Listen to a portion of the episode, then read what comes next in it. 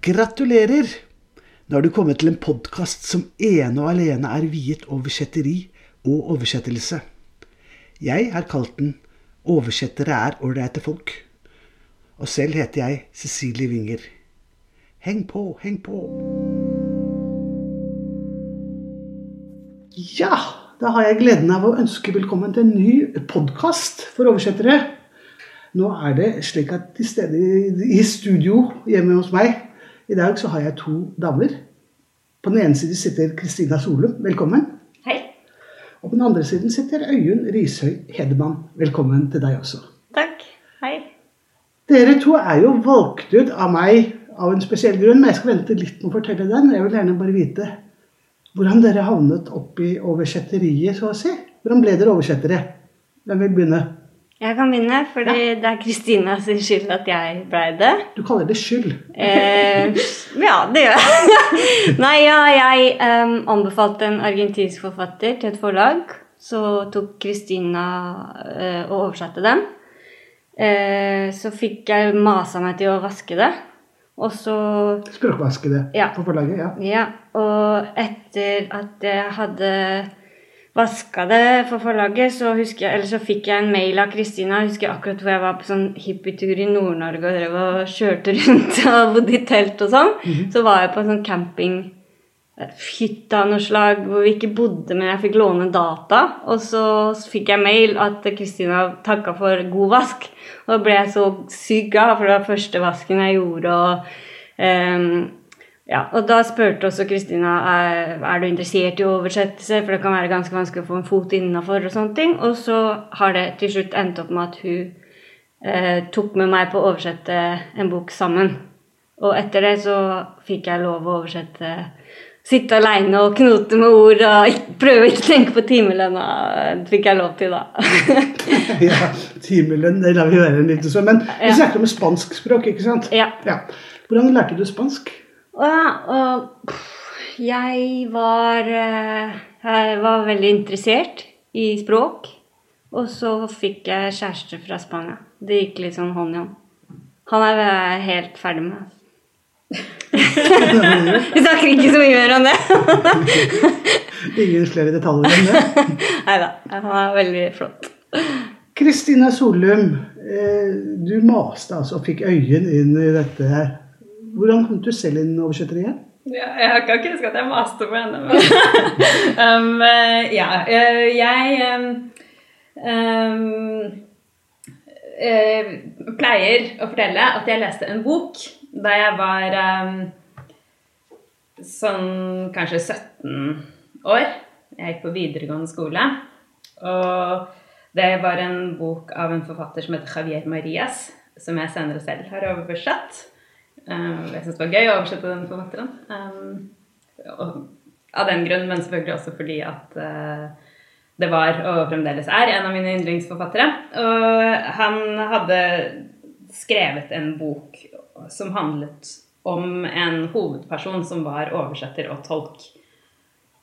Um, og jeg husker at den hovedpersonen forteller at uh, han er begge deler. Han er både oversetter og tolk, og at det er ikke så vanlig for de fleste pleier å være én av delene. Og um, ja, at det er litt sånn at de to yrkesgruppene um, ser litt ned på hverandre eller ikke blander seg så mye med hverandre og sånn, men, men han var begge deler. Og uh, det, I hvert fall sånn som jeg husker det, så var det første gang jeg tenkte sånn Å ja, oversetter, det kan man jo bli. Og så var jo dette også en skjønnlitterær bok som jeg leste det i, så da tenkte jeg liksom på hvordan det ville ha vært å oversette den boka. eh, Siden den var på spansk, og jeg kunne spansk, og jeg likte jo bøker, og jeg likte å skrive og sånne ting. Så da Da øynet du en livsvei. ja, jeg 17 år gammel. Da var jeg 17. Men jeg, det må jo også sies at jeg så jo mange oversettere rundt meg. Fordi jeg eh, vokste opp i en familie hvor både moren og faren min drev forlag. eh, Solum forlag. Um, så, så da jeg først hadde begynt å tenke på det, så var det eh, lett å se rundt meg at det var eh, mange som drev med oversettelse. Og da hadde jeg også liggende tilgjengelig, så fant jeg jo bøker som ble gitt ut på det forlaget. Og originalene også lå rundt omkring, og så kunne jeg se på dem og så kunne jeg sammenligne. Og så, jeg, og så møtte jeg også de oversetterne og kunne snakke med dem. og sånt. Så, ja. Ja, for du har vokst opp mer eller mindre i forskjellige land? Eh, ja, eller uh, Jeg har i hvert fall bodd mye i forskjellige land etter at jeg ble student. Da jeg var barn, så hadde jo foreldrene mine De hadde jo dette forlaget i Norge, så de hadde jo en bedrift i Norge. Så, sånn sett så var jo de bundet til Norge, og vi bodde mest her. Men de var også veldig glad i å bo i Spania, så vi, vi prøvde å bo der et par år med da var det mest moren min da, som bodde der med oss barn. Og, faren, og gjorde arbeid for forlaget, og faren min reiste litt sånn opp og ned. Men i lengden så tror jeg det ble litt tungvint, så Ja, så det ble, det ble bare til at vi bodde i Spania et par år, og to, to forskjellige år.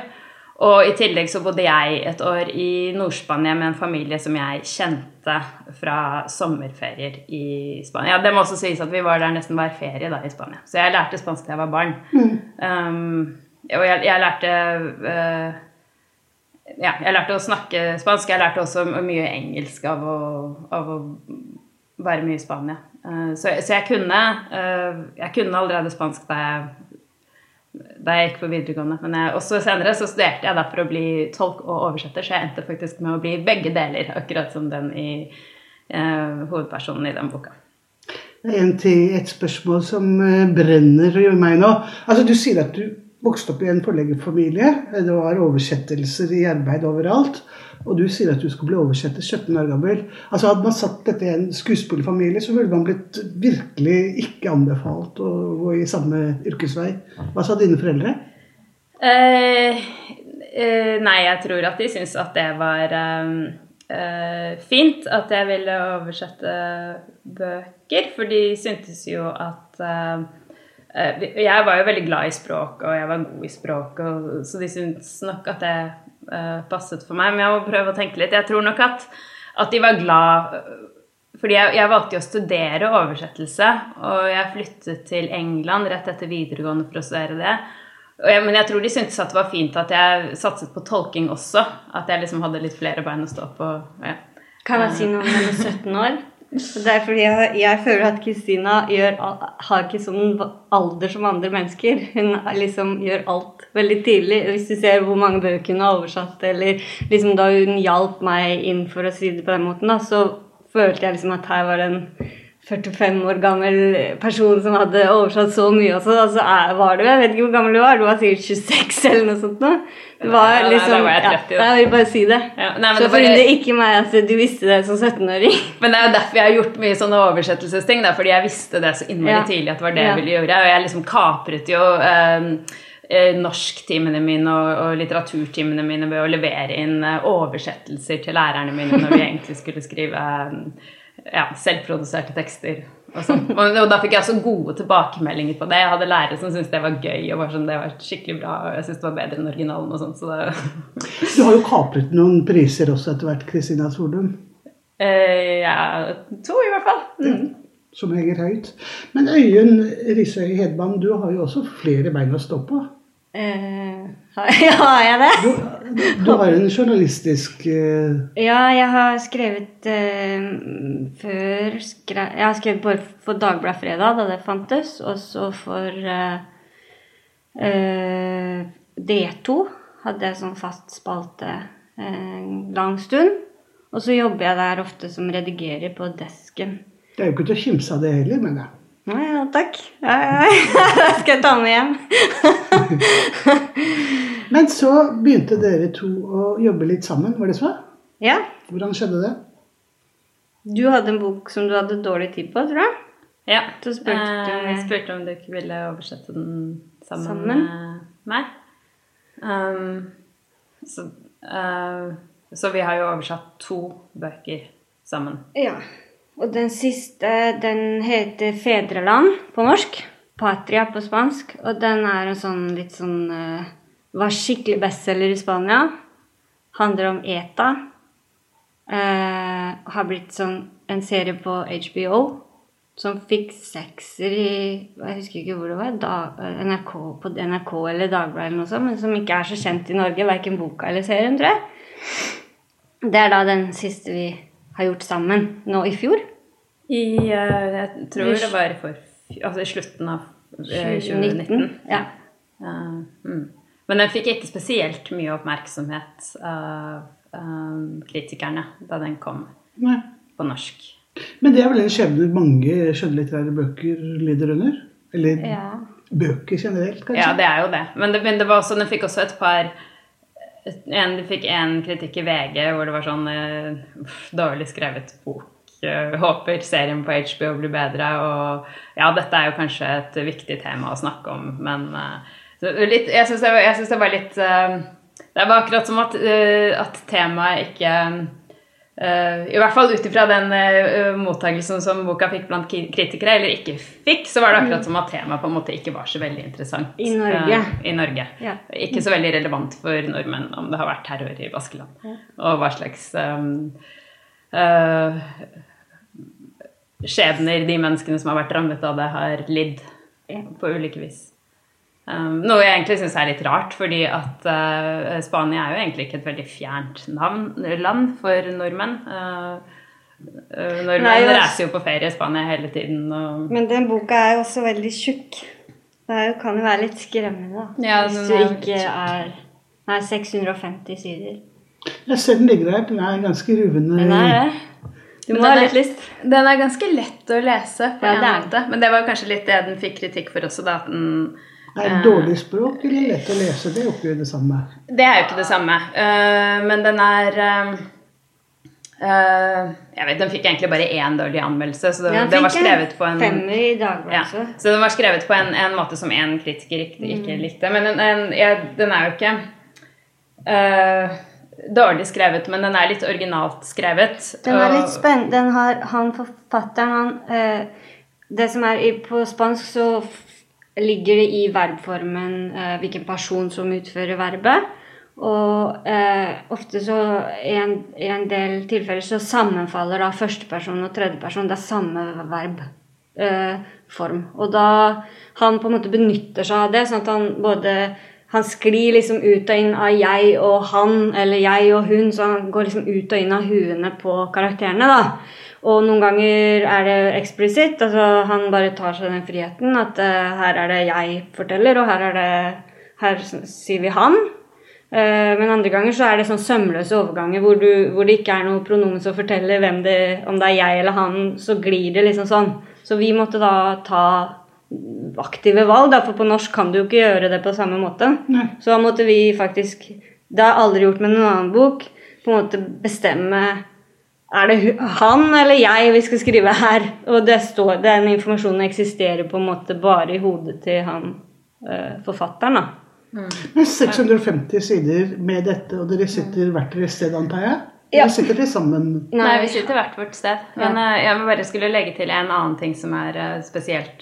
Forfatteren har en Han var på besøk i Oslo, og da ble han intervjuet. Og da sa han at, at han har et sånn spesielt grep når han skriver, som han også har brukt i eh, andre bøker, som er at han eh, prøver å gi teksten teksten, altså, eh, ja, teksten bevissthet, på en måte. Og det er et litt sånn spesielt grep. eh, som gjør at teksten på en måte reflekterer rundt seg selv på en merkelig måte. Og det skjer da ofte ved hjelp av parenteser. Så jeg tror jeg skrev ned et par eksempler, men eh, eh, For eksempel, da, så et sted så eh, er det en beskrivelse av eh, et sted hvor eh, disse ETA-terroristene har søkt eh, tilflukt, eller hvor de har um, holder til, da. For de må jo gjemme seg for politiet og sånn. Og så uh, står det uh, at de oppdaget en lekkasje i et rør i tredje etasje, og de er i andre etasje. Og da står det sånn 'svær fuktflekk og svarte ringer'. Og så står det i parentes 'muggsopp?' spørsmålstegn, parentes 'slutt' i taket. Og det er en, en måte å skrive på som eh, for det første ikke funker det går, Den er ikke egnet for høytlesning. Man blir veldig irritert på hvem er det som tenker Ja, og så blir man veldig irritert. Ja, og jeg tror faktisk at man blir ekst, lurer ekstra mye på det når det er en oversettelse. Fordi eh, noen som jeg kjenner som også har lest denne boka, har sagt, har sagt med rette at det ser ut som at eh, det er oversetteren sine eh, tvilsmomenter som står igjen i teksten. Noen ganger så står det, så står det et parentes, så, så sa hun med et smil, og så står det sånn 'knis?' spørsmålstegn. og det var en som, en som, jeg kjenner som faktisk er en kollega av meg på tolkeutdanningen, så hun, uh, hun vet mye om, uh, om uh, hva det vil si å oversette. Som sa sånn Men jeg ble litt overrasket over alle de parentesene og alle de synonymene som står i parentes og sånn, så jeg, lurte litt på om det var Det er ikke noe fra oversettelsesprosessen, det. Men det og det er så gjennomført at jeg ja, men, uh, men, ja, men, man kan jo ikke fjerne det selv om man det det, kommer under ja. mistanke om å ikke ha ryddet i dokumentmappen. Ja, men det, jeg syns det er interessant da, at det fungerer litt annerledes når det gjøres i en original og når det gjøres i en oversettelse. fordi at når det gjøres i originalen, så Du kan jo spørre deg om det er forfatteren da, som uh, som har latt noe stå igjen fra redigeringsprosessen. Eh, men hvis du har lest den forfatteren før, og det er jo et kjent forfatterskap i Spania, så kjenner du kanskje til det grepet. Og når det eh, gjentar seg gjennom mm. boka, så, så, skjønner man men Det er jo meningen at man skal skjønne det etter hvert. Men, eh, men jeg, jeg, forstår det, da, at jeg, på det punktet så fungerer en oversatt tekst litt annerledes. Men jeg kommer ikke på noen andre som har det, så er det bare denne forfatteren?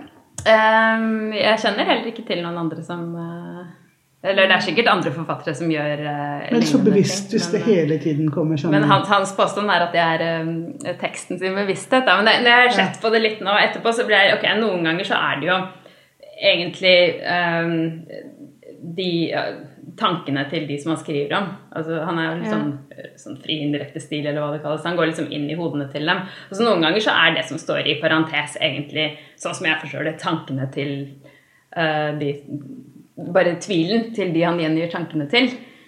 Gå et hakk tilbake. Ja. Altså, dere får en, et manus, dere har 650 sider. Mm. Fedreland. Mm. Hva gjør dere da?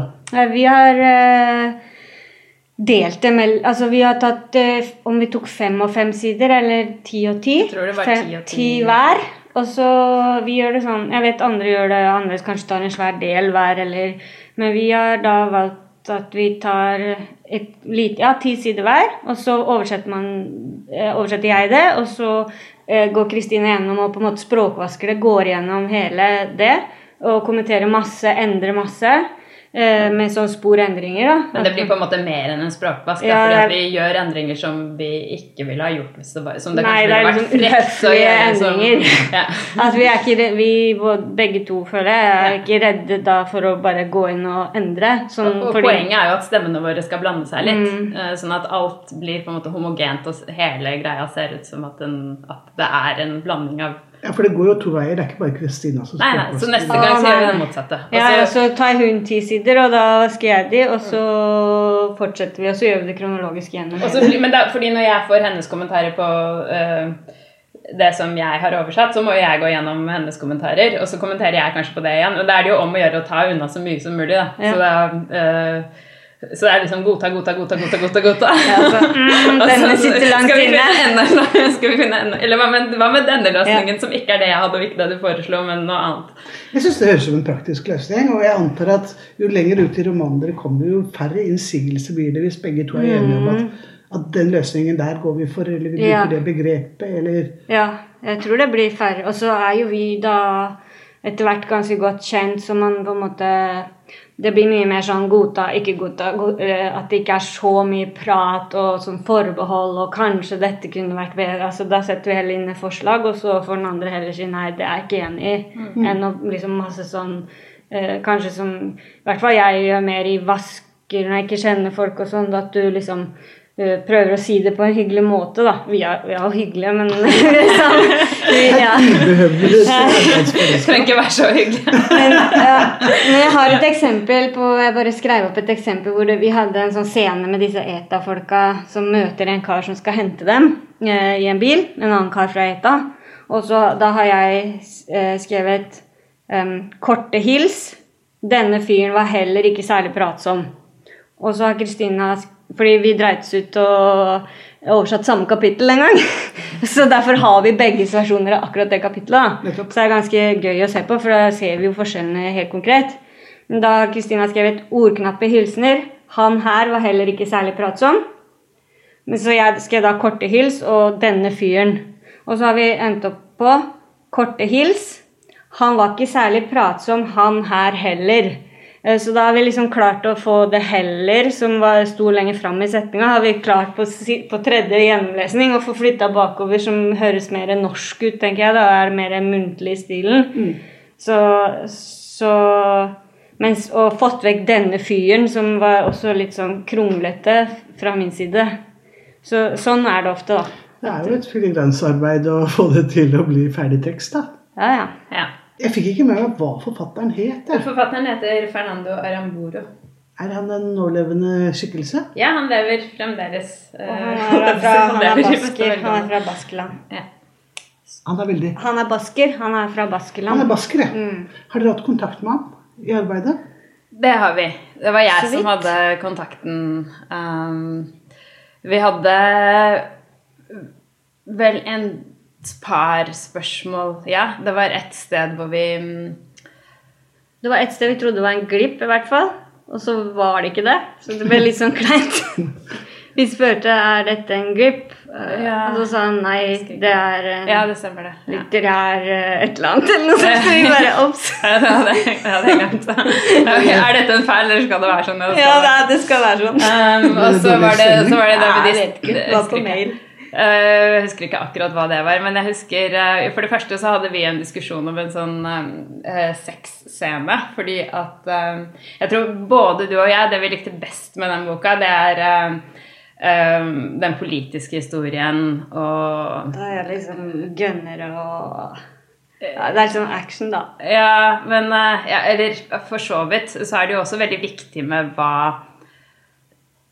den ulykkelige uh, eh, situasjonen som disse to familiene havner i, eh, gjør med dem som personer. Men forfatteren, det er jo en veldig lang bok, sånn at han, han har liksom tværet ut, uh, i hvert fall sånn som jeg ser det. Nei, det er ikke, gjerne skal Men lese akkurat uh, øh, altså Det er alltid noen små ting man irriterer seg med i en bok som man ellers liker veldig godt.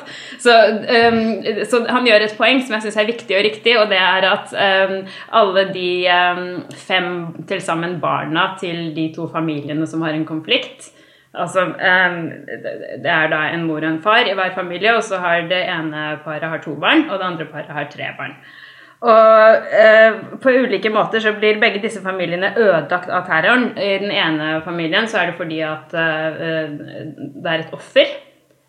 Eh, det er en som blir drept av en, i en bilbombe. Og i den andre familien så er det en terrorist uh, som eh, De havner på forskjellige sider av konflikten, da. Ja, men uansett så er det en gjerningsmann i den andre familien. Men Så da gjør forfatteren et arbeid med å vise hvordan alle disse eh, etterkommerne, disse fem barna, er egentlig ødelagt for resten av livet. Og de, kan ikke, de klarer ikke å få fungerende forhold. Det er ingen som får et forhold til å fungere.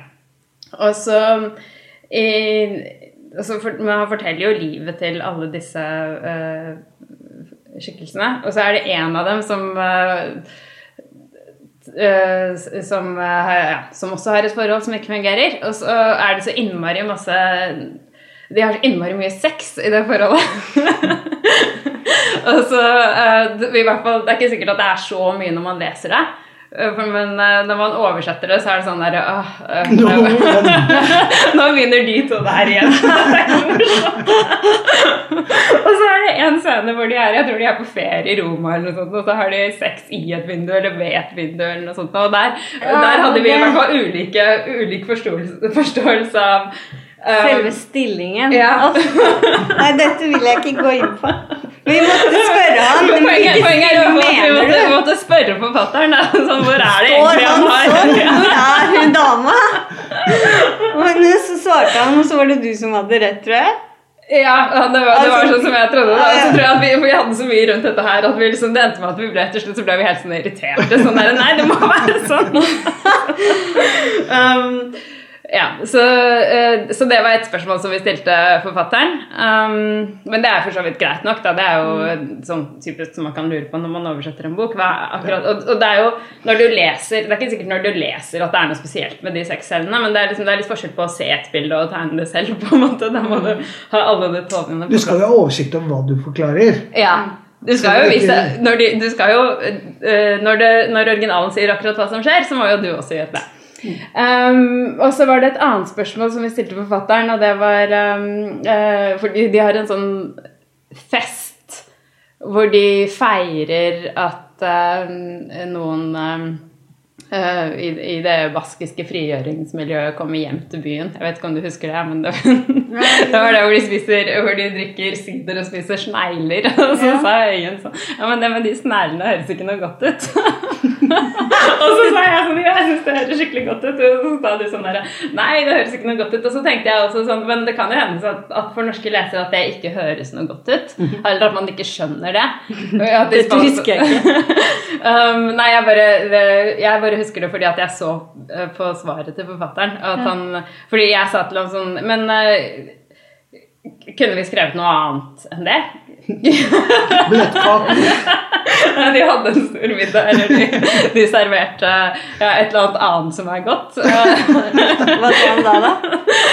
Nei, da sa han sånn Nei, snegler er kjempegodt. Jeg håper dere Det var et merkelig spørsmål. Det, ja, det var kanskje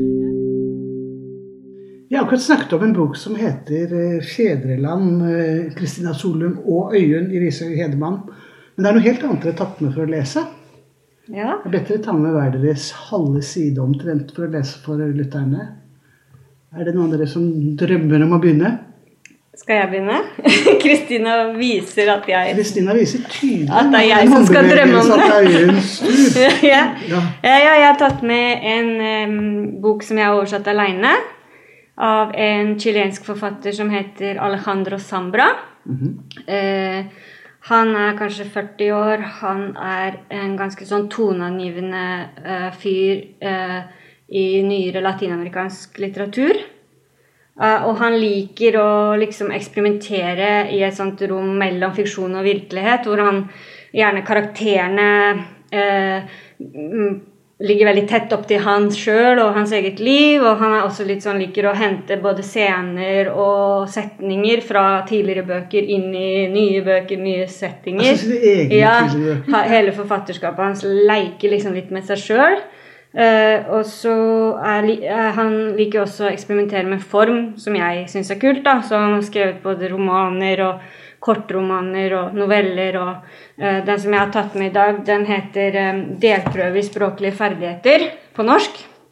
Uh, og den Jeg syns den er jævlig bra. Jeg synes det Det er den vanskeligste jobben jeg har gjort. Og den beste jobben jeg har gjort. Uh, og det er kanskje fire personer som har lest den. og det er tre av mamma og pappa og søstera mi. Liksom. Så jeg har lest den, jeg. Har du? Ok, ja, Da har du den fjerde. jeg tror jeg kanskje vasket den. Nei, du gjorde ikke det. Skjønner. Men uh, ja, i hvert fall, den er bygd opp etter modell av uh, opptaksprøven til chilenske universiteter. Så den er altså Den har 90 sånn flervalgsoppgaver. Eh, der leseren skal velge riktig alternativ. på en måte. Så jeg, kan bare, jeg leser bare kjapt baksida først, så bare man skjønner greia. Ja. Der står det eh, altså baksida på selve boka. Så står det det du nå holder i hånden, er A. Korttekster. B. Noveller. C. Poesi. D. Ingen av delene.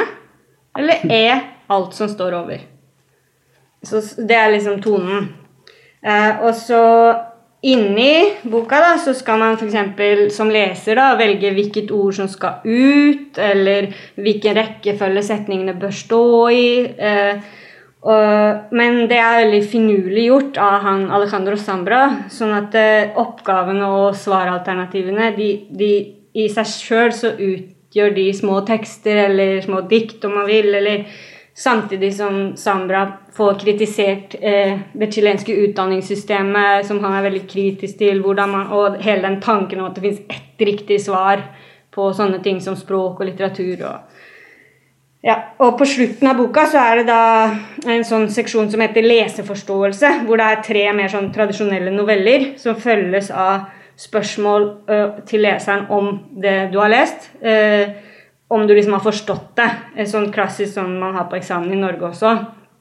Eh, Og i den ene teksten som Jeg tenkte bare lese ett sånt spørsmål, så de som hører på, kan skjønne litt hvordan det er. Eh, og i den ene teksten da, så har han, den, da har han nevnt eh, ayahuasca, som er sånt eh, rus, psykoaktivt rusmiddel fra regnskogen i Sør-Amerika. Det er bare nevnes sånn kjapt i den ene teksten. Og så er det da et spørsmål Det er oppgave 85 i boka, eh, så det er helt på slutten av boka. Eh, hvor det da står um, Og nå leser jeg. Eh, ayahuasca nevnes Jo, jeg må bare si en ting til. Han også får uh, Sambra han liker å kødde litt med seg sjøl også, og rollen sin som forfatter. Så det får han også til i det spørsmålet her, tenker jeg da. 85. Ayahuasca nevnes i teksten for å A. Gi historien en etnisk touch. B. Det fins ingen konkret grunn til å snakke om ayahuasca. Det er bare et innfall fra forfatterens side. C. For å oppmuntre til narkotikabruk. D. For å vise empati med ungdom som kanskje allerede har prøvd marihuana, kokain og eller crack, og følgelig fundere på om de burde holde seg på den naturlige stien eller ta den kjemiske snarveien. Ved dette veiskillet akter teksten klokt nok å peke mot ayahuasca, som er inngangsporten til kunnskap om egen væren. Eller E. I psykiatrien er ayahuascaens anvendelighet godt kjent, særlig i behandlingen av depresjoner, angst og schizofreni. Man skal ikke se bort fra at forfatteren har en eller flere av disse lidelsene.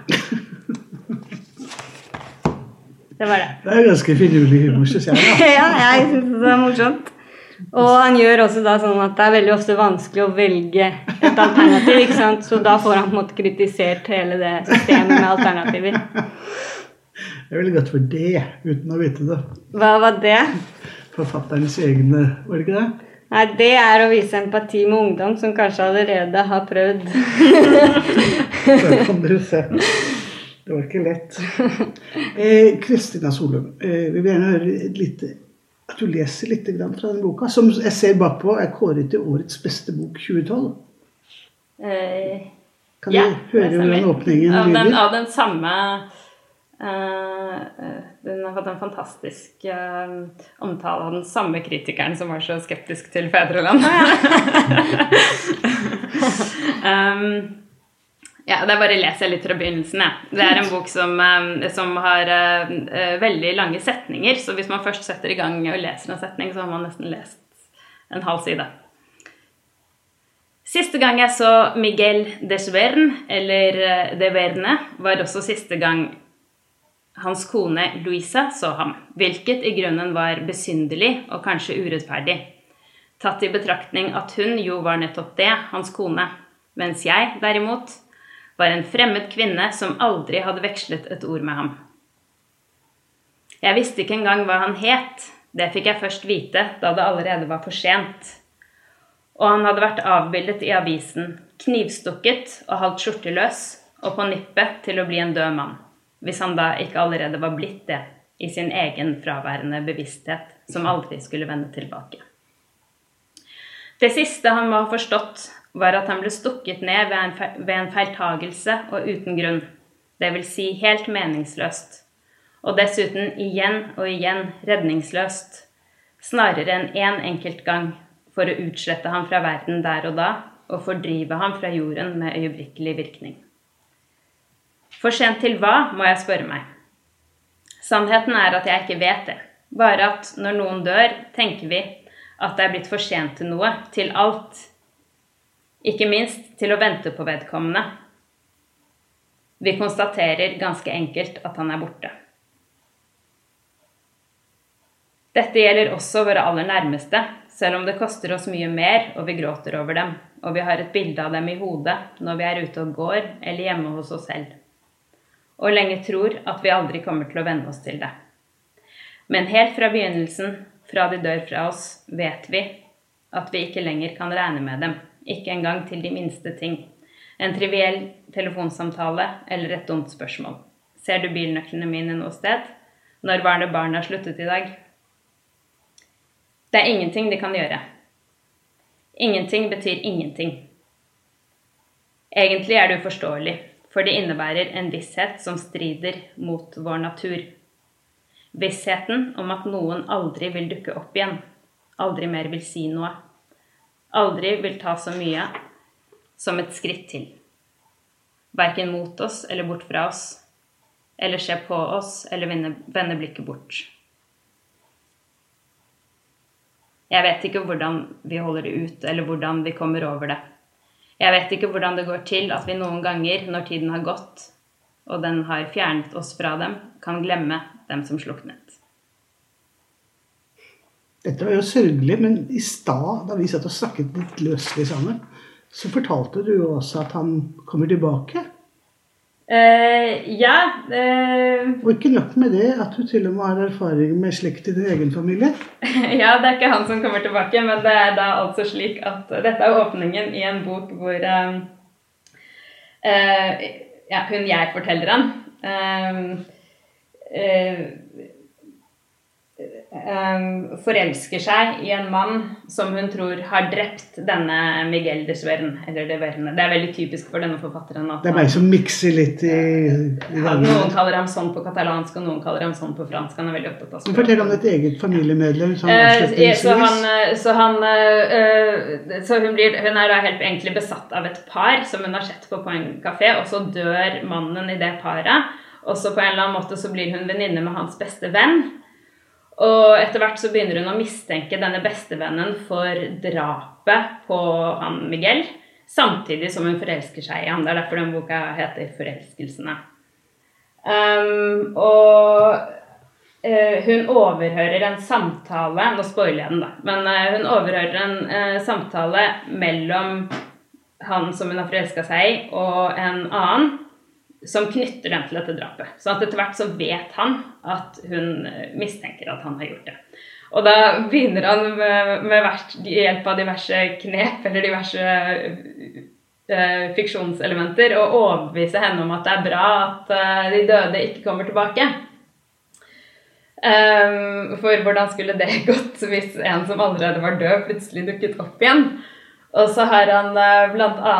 en bok av um, eh, Balzac som, som handler om en oberst Chabert, som han eh, eh, siterer fra. Da. Og det som er interessant for oversettelsens del, er at når han siterer derfra, så gjør han det på um, ja, Han gjør det både på den, det språket som boka er på, på spansk, men også på fransk. Og så gir han forskjellige sånn tolkninger av hvordan det kan oversettes til spansk. Så jeg har da oversatt det videre til norsk. Og denne oberst eh, Chabert, han har eh, blitt erklært død i krigen. Han dør i et eh, slag eh, ved Ailau, som eh, en kald vinternatt. Og det beskrives at han har fått et sabelhugg i kraniet, og han blir konstatert død, da. Um, men um, etter flere år så dukker han opp igjen. Og eh, vil da gjerne ha uh, Ja, ønsker jo å treffe de som han er glad i. Og som du var inne på, Cecilie, så uh, skjedde det faktisk uh, i min, mine barns oldefar at han ble erklært død i den spanske borgerkrigen. um, Og ikke var det? Ja, ja, han, øh, han de, Alle trodde jo at han var død, så de hadde begravelse for ham Og, Uten like, selvfølgelig, da. uten like. Eh, og så dukket han opp.